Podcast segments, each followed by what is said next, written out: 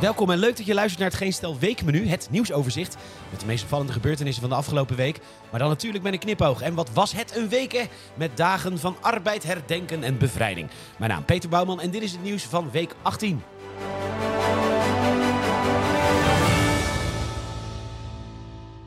Maandag. Ach, 1 mei, de dag van de arbeid. En hoewel we dat in Nederland niet echt vieren, wij zijn gewoon aan het werk. In Frankrijk is dat dus echt een ding. We schakelen over naar onze verslaggever in Parijs. Ja, hier in de Franse hoofdstad wordt de Dag van de Arbeid uitgebreid gevierd. Mensen zijn ja, gezellig aan het toeteren. Oh, ja, je hoort het. Er wordt zelfs vuurwerk afgestoken. Je hoort ook de sirenes en dat doet de politie hier uit solidariteit met al die mensen die eindelijk, en ja, ze hebben er lang voor gestreden, langer mogen doorwerken. Ja, de Fransen zijn het beu om gezien te worden als het luiste volk van Europa. En dus gaan nu de handen uit de mouwen. Ja, daar komt de politie ook in ceremoniële uniforms, namelijk helm, schild, wapenstok. Wat een heerlijk volksfeest. Het lijkt Amsterdam wel als het Marokkaans voetbalelftal wint. Of verliest. Of gelijk speelt. Oh ja, oh tyfus. Nou ja, die kwam dichtbij. Nou, ik ga hier lekker mee feesten. Terug naar de studio.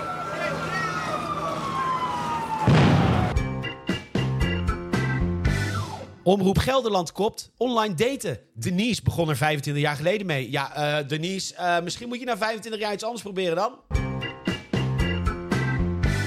Het stappenbudget, waar je als Nederlander 1000 euro kunt krijgen om een cursus poep te doen, verdwijnt. Eindelijk. Tijdens de eerste rondes wezen wij op hoeveel belachelijke opleidingen door verschillende charlatans werden aangeboden. Van het ontdekken van je derde oog tot het lezen van horoscopen. Nu is het aanbod wel iets verbeterd, maar nog steeds alsnog 840 euro voor video's maken met je smartphone. Bijna 3000 piek voor Leefstijlcoach Pro, waarbij trots wordt vermeld met een hoog slagingspercentage. Ja, hè, hè. Hoe idioot moet je zijn om te zakken bij een cursus eet af en toe een appel? Of de eh, opleiding paardencoach. Leer coachen met behulp van paarden. Ja, nee, dat is nuttig. Kom je een uh, coachingstraject aanbieden bij je werkgever. Je werkgever leest dat dan aandachtig en die denkt, ja, hallo. Er staat een paard in dit plan. Maar echt een paard in dit plan. Mogel, een paard in dit plan. Je bent ontslagen. Dinsdag. Scriptschrijvers gaan weer staken in de Verenigde Staten. De vakbonden onderhandelen al even met de studio's en streamingsdiensten.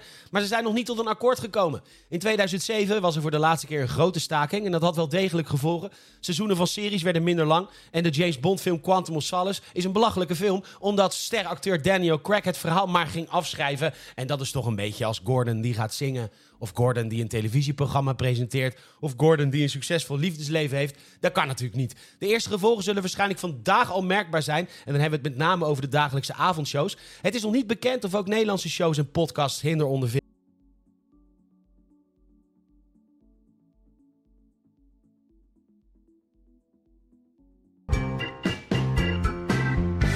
Emma Watson heeft een groot en mooi interview gegeven in de Financial Times. En dan hoor ik u denken, Emma Watson, was dat niet dat lekkere wijf uit Harry Potter? En dat mag u vinden vanaf Harry Potter 5. Het parool kopt wat betekent de Deense overname van Ethel Medial voor Amsterdams bloedonderzoek. Kijk, ik weet ik hier nou 25 jaar. Ja, in het begin woonde ik zelf nog in de stad. Een leuk kleine, klein straatje midden in de pijp. Maar goed, toen kreeg mijn vrouw een baan buiten de stad. En moesten we verhuizen naar Purmerend. Maar gelukkig kan ik nog vier dagen in de week gewoon Amsterdam voor mijn werk. En dan kom je natuurlijk de mooiste dingen tegen. Het Vondelpark, de Wallen, het Rembrandtplein. En ik loop nu elke dag rond met een glimlach van oor tot oor. En ja, natuurlijk is er wel eens gezaak. Met wat drugs en af en toe een beuk. Maar weet je, dat is dan eenmaal de stad, hè. En je krijgt er zoveel voor terug. Kijk, voor de buitenwereld lijkt het natuurlijk best wel simpel, hè. Ik zet gewoon een prikkie en klaar. Maar er komt eigenlijk veel meer bij kijken. En dat is vooral het stukje menselijk contact, hè. Dat je verhalen kan vertellen en mensen, ondanks dat ze zich natuurlijk zorgen maken over bloedonderzoek, dat die mensen toch met een gerustgesteld gevoel en soms zelfs met een glimlach naar huis gaan. En kijk, dat is voor mij echt het belangrijkste. Zeg meneer, is uh, hier misschien een Deen die iets minder oeverloos lult, vooral over zichzelf en gewoon een prik zet en klaar? Doe gewoon. Ja hoor, de gemeente Den Haag gaat een proef starten in delen van de stad en in uh, Scheveningen. Aan de weg parkeren kost 50 euro. Om zo autorijdende bezoekers te weren, dat meldt Omroep West. Mag ik alsjeblieft een uh, vraag stellen? Ik heb mijn vinger omhoog. Dank je. Waarom hebben we als land klaarblijkelijk ervoor gekozen dat Scheveningen onze nationale badplaats is? Even feitelijk, hè. Dat Koerhuis is een mooi hotel, maar al het andere omheen is toch gewoon vervelend? Ik bedoel, die pier, die valt van ellende uit elkaar. En als dat niet zo was, is dat nou echt een mooie pier, ja? Dat als je je vrienden uit het buitenland op bezoek krijgt, dat je dan die pier laat zien en zegt... Nou, this is our national pier and there's also sometimes Lego in it.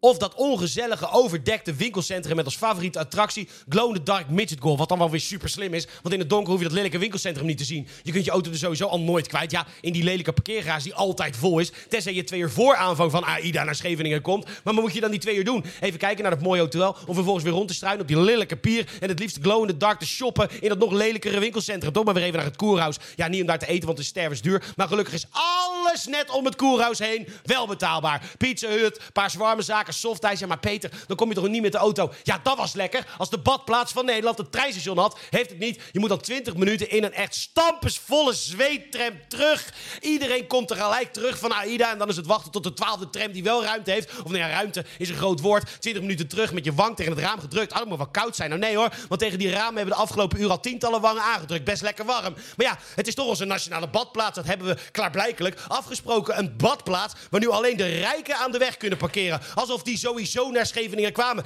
Nee, die rijden wel wat kilometers verder en gaan naar Bloemendaal of zoiets. Zonder die scheidpeer, zonder scheid go-share scooters, alleen maar fastfood. Die laten hun wagen parkeren door het koerhuis, komen het hotel niet uit, slapen zonsopgang op de Instagram en de auto in zonnebaden in Vlissingen, Noordwijk, Egmond, Bergen aan Zee weg uit het scheidscheveningen met die hondslelijke boulevard. Wist je dat boulevard trouwens een leenwoord is uit het Frans en dat Frankrijk dat woord al 100 jaar terug wil, omdat in Frankrijk een boulevard een lange brede weg met rij beplante bomen in een stad betekent en niet de betekenis die wij eraan hebben gegeven, kaalstuk steen naast zand.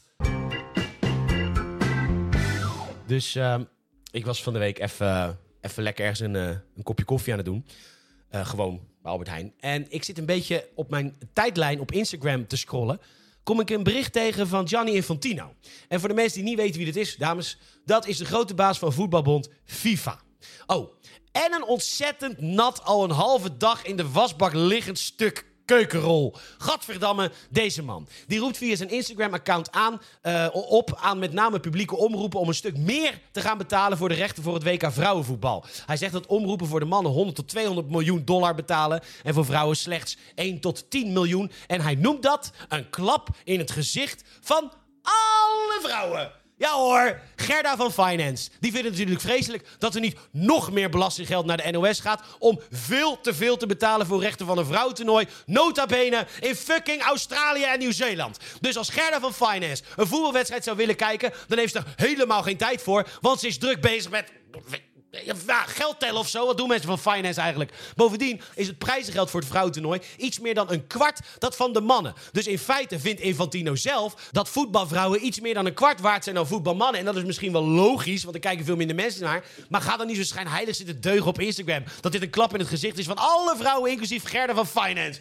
Wat denk je dat de vrouwen binnen FIFA net zoveel verdienen als Infantino zelf? Huh, Peter, werken de vrouwen voor de FIFA dan? Nou, dat was inderdaad even zoeken hoor. Maar het is gelukt om iemand te vinden. Debbie Hewitt zit in het bestuur van FIFA. En denk je dat zij meer of minder dan een kwart van het salaris van Infantino verdient? Nou, ik heb geen idee, want transparantie is bij de FIFA vies woord. Maar het vermogen van deze mevrouw Hewitt wordt geschat op een miljoen. Een bedrag dat Infantino in vier maanden FIFA-werk op de bank heeft staan. Dus meneer Infantino, stel dat het lukt om Gerda van Finance te overtuigen dat meer van haar belastinggeld richting dat scheidtoernooi gaat, denk je niet dat het een beetje zonde van het geld is? Want net als de wedstrijd tussen Nederland en Portugal echt spannend begint te worden, denkt Gerda: fuck, dit is precies het moment dat mijn favoriete televisieprogramma op tv is. Zep! Koffietijd, een beetje gezelschap. Pak tijd voor jezelf. Ik zit nou even te luisteren. En waar is de tijd gebleven dat een, eh, dat een gewoon een middagprogramma op televisie niet alleen een jingletje had, maar gewoon een hele soundtrack? Weekmenu, het is tijd voor een glimlach. Even lekker luisteren, dat helpt je de dag door. Dit is Weekmenu voor jou en dat weet je. Ik zit in je oren, jij en ik samen. Misschien heb jij wel een vreselijke week. kun je vergeten als ik tegen je spreek. Weekmenu, een beetje afleiding. Even lekker lachen, de week is weer voorbij. Joh, dit is het weekmenu. We zitten hier samen, lekker gezellig. Tijd voor jezelf. Geen stel, weekmenu. Dankjewel, dankjewel hoor. Ja, we gaan vandaag tosti's bakken met ananas. Soms heb je goede voornemens en ze lukken nooit allemaal. Voor de start van dit jaar had ik er vier. Meer sporten, minder drinken, mijn vrienden vaker spreken en koken. Nou, twee van de vier zijn gelukt en koken is daar één van. Ik had echt mijn hele leven nog nooit gekookt, dus ik dacht, ik bestel een keer HelloFresh. En de eerste keer ging dat niet helemaal zoals ik had verwacht. Want ja, ik had dus echt nog nooit in mijn leven gekookt. En ik kreeg dat eerste pakket binnen. En toen, eh, minuten later, ging ik aan de lijn met mijn lieve vriend Jelmer. Eh, ja, ik spreek mijn eh, vrienden vaker. Jelm, luister. Ik heb nu mijn eerste HelloFresh pakket binnen. En ik kan nog niet eens beginnen met koken. Ja, omdat ik dus allemaal dingen in huis moet hebben. Nou, eh, extra vierge olijfolie en witte wijnazijn. Ja, dag, dat heeft echt niet iedereen in huis. Zelfs ketchup, manis en balsamico azijn. Heeft iedereen dat in huis? Ja, jezus. Dus het gevolg was dat ik op mijn eerste bestellingsdag met een volle car de Albert Heijn uitliep. En nu vraag je je af, Peter, hoe is dit reclame voor HelloFresh? Nou, dat is het dus wel, want sinds ik al die dingen wel in huis heb, eet ik de lekkerste dingen. En ik vind het oprecht onwijs leuk om te doen. Deze week had ik bijvoorbeeld een eh, kip picata met overgebakken krieltjes, kipfilet haasjes met knoflookrijst en een heerlijke vegetarische burger. En mocht je dat zelf ook eens willen proberen, doe dat dan wel even via mij, want dan krijg ik ook gewoon euro's. Ehm, ja, en dat is belangrijk. In de show notes staat een bit.ly link en via die link krijg je belachelijk veel korting op heel veel bestellingen. En wie weet eet jij volgende week wel net als ik, eh, even kijken hoor, geroosterde bloemkool en groene currysaus. Oh, gadver. Nee, sorry, moment hoor. Ik moet even mijn bestelling veranderen uit een van die tientallen andere gerechten waar je uit kan kiezen. Dus eh, ik ben weg. Dankjewel hè. Donderdag? 4 mei. Een belangrijke dag waar we toch elk jaar even bij stil moeten staan. Want eh, ja, wat zijn we toch dierbare verloren hè, tijdens die verschrikkelijke oorlog. Master Yoda, Obi-Wan Kenobi en natuurlijk Darth Vader. Want ja, dat was me daar een massamoordenaar. Maar ach, het was ook een boefje. May the 4th be with you. Ja, en het is misschien wat onhandig om doden denk ik op dezelfde dag te plannen als Star Wars dag. Maar ja, this is nou eenmaal de W. En we moeten het maar gewoon allebei doen. We schakelen over eh, naar de Dam. Die er voor de verandering eens schitterend bij ligt. En daar komt hij aan. Hij, hij loopt nu naar buiten. Koning Willem-Alexander.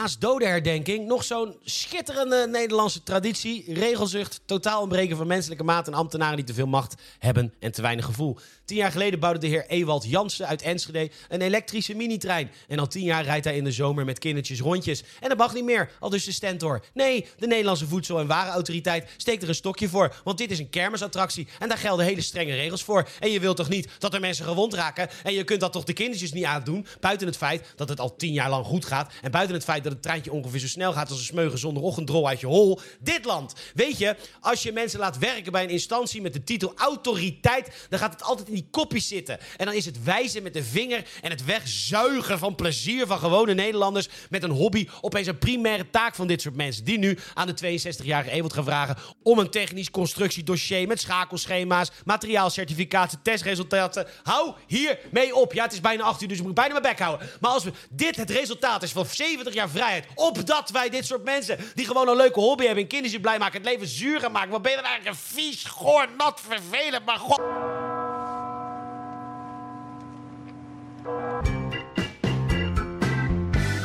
Vrijdag? Ugh, bevrijdingsdag. Ja, nee, prima dag hoor. Eh, vier vooral eh, bevrijdingsdag en de vrijheid. Maar die slogan, ugh.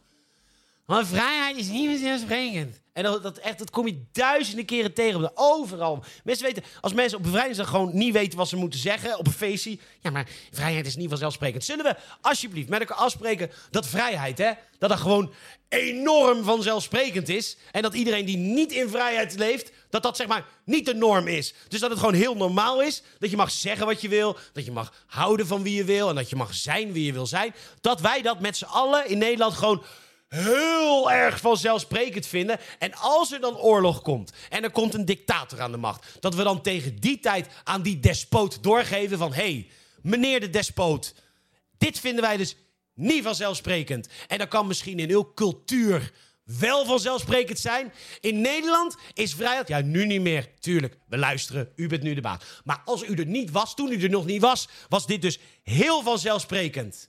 Zullen we gewoon afspreken dat dat de norm is? Top. En tot slot, eh, Joe Biden heeft zich weer kandidaat gesteld om, eh, om wederom president te worden in 2024. Wat een feest! Ja hoor, het wordt weer een feestje in de Verenigde Staten van Amerika met Joe Biden. Wat een feest! Duizend keer hakkelen, duizend keer vallen. Het voelt niet als praten, het lijkt meer op lallen. Hij zit op een fiets, oeps, hij valt er vanaf. Dat ligt niet aan hem, of ja toch wel. Duizend keer gapen, hij ligt weer te slapen. Hij schrikt toch weer wakker, nu telt hij wat schapen. Hij maakt weer geluid, maar wat zegt hij nu weer? Het ligt vast aan mij. Nee, toch niet? Nee. Ik denk niet dat er iemand bejaarder bestaat. Ik hoor hem ook niet, omdat hij onverstaanbaar praat. Ik ben best bang dat hij op de nucleaire code stukt. Ik ben het zweten dat hij er niet kwijlend op drukt.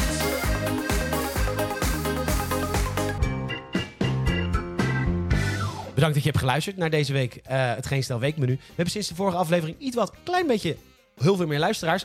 Dus bedankt daarvoor. Maar ja, uh, gulzig paard wordt alleen maar gulziger. Je kan ons helpen, dat kan via Spotify. Je kan tegenwoordig reacties geven onder elke podcast in Spotify. Dat hebben we vorige week ook een aantal mensen gedaan. Dus doe dat vooral, vind ik leuk. Uh, je kan ons ook raten, dat kan ook via Apple Podcasts. En daar kun je ook reviews achterlaten. Doe dat even, dan uh, komen wij hoger in al die algoritmes. En dan weten nog meer mensen ons te vinden. Dat zou dus heel vet zijn. Um, en je kan ook ons supporten financieel. Dat kan via premium.geenstijl.nl.